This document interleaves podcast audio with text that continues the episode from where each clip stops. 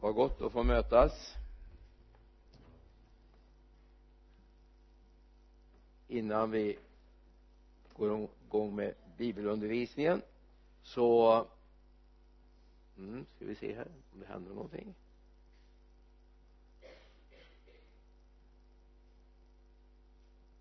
Vill inte den här heller.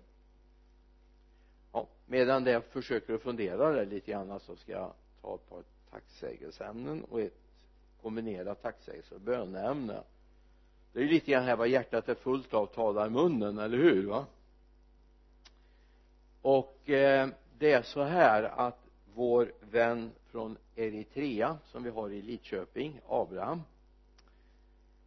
den 11 maj, det är en väldigt bra dag så kommer hans familj ifrån Etiopien och landar på Landvetter jag fick det bekräftat idag det är underbart. Han har längtat och han har längtat efter sin familj eh, sin fru och tre barn. De har fått uppehållstillstånd genom anknytning. Det känns väldigt roligt. Det andra är ett bönämne och tacksägelseämne. Det är Blerim som brukar vara med oss här på onsdagar och fredagar. Är inte hans syster Jelana här? Eh, de har varit på vårdcentralen idag i flera timmar för att få ett läkarintyg på deras de skador som de har efter det de har varit utsatta för innan de kom till Sverige. De har träffat en väldigt bra läkare. Mycket noggrann. Eh, de kom till läkarundersökningen strax före ett idag. Gick därifrån strax efter fyra. Och då var de inte klara så ska de tillbaka på måndag igen och nästa fredag och då ska de få läkarintyg i hand. Men det är klart Lerin pratade med mig här när de kom hem och sa det att be för oss. För eh, det, det är många steg kvar. Men eh, det är en underbar familj. Vi har haft möjlighet några stycken att träffa den familjen. Och eh, de är på väg mot Jesus kan man säga.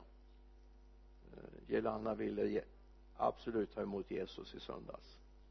Det fick hon ju. Det är väl bra. Va amen. Jag ska släcka lite i rampen där.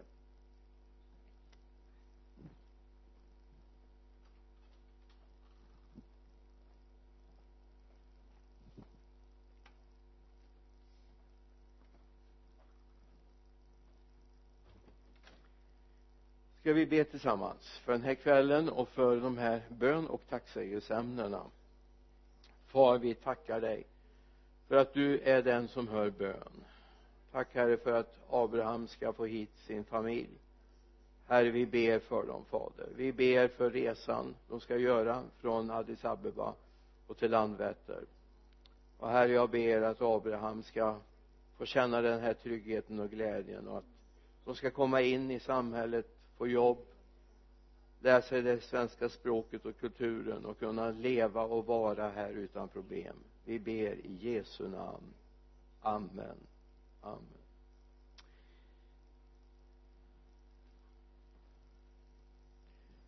Nu måste ni ha era biblar i beredskap. Det har ni. Bra. Eh, grunden är naturligtvis det vi läser i Matteus 18 nej 28 och 20 28 20 och lär dem att hålla allt som jag befallt er och se jag med er alla dagar in till tidens slut så har du inte förstått riktigt vad vi sysslar med så är det här vi sysslar med nu under en period det finns någonting i bibeln som kallas för bergspredikan och ibland säger människor lite vanvördigt att ja bergspredikan den är viktig. Det andra kan vi släppa. Men jag tror inte de alltid har läst bergspredikan då utan de har missat lite grann vad bergspredikan handlar om. Så eh, hoppas inte du missar det för det är både lätt naturligt självklart men det finns svåra partier också. Eh, jag ska inte påstå att vi har kommer passera något svårt parti idag. Sätta på den. Utan eh, det är väl ett ganska enkelt område hoppas jag. Men ett missförstått och ett feltänkt i en del avseenden jag kan bara gå tillbaka till min egen barndom när jag växte upp. Så fanns det mängder av missförståelse av det här avsnittet som vi ska gå igenom ikväll. Vi ska fortsätta med bergspredikan. Det här Jesus har befallt oss att göra och som vi ska undervisa varandra om. Vi har ju fått uppdrag att göra lärjungar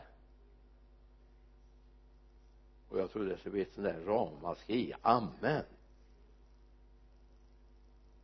Faktum är att det är det vi ska stå till svars för en gång om vi gjort lärjungar eller ej. Vi ska gå till det sjuttonde versen Matteus 5 håller vi oss i. Sjuttonde versen. Tro inte att jag har kommit för att upphäva lagen eller profeterna jag har inte kommit för att upphäva utan för att uppfylla. Jag säger sanningen. Innan himmel och jord förgår skall inte en bokstav inte en prick i lagen förgå inte förrän allt har skett. Därför skall den som upphäver ett av de minsta av dessa bud och lär människorna så kallas minst i himmelriket men den som håller dem och lär ut dem han ska kallas stor i himmelriket. För jag säger er om inte er rättfärdighet går långt över de skriftlärdas och fariseernas kommer ni aldrig in i himmelriket.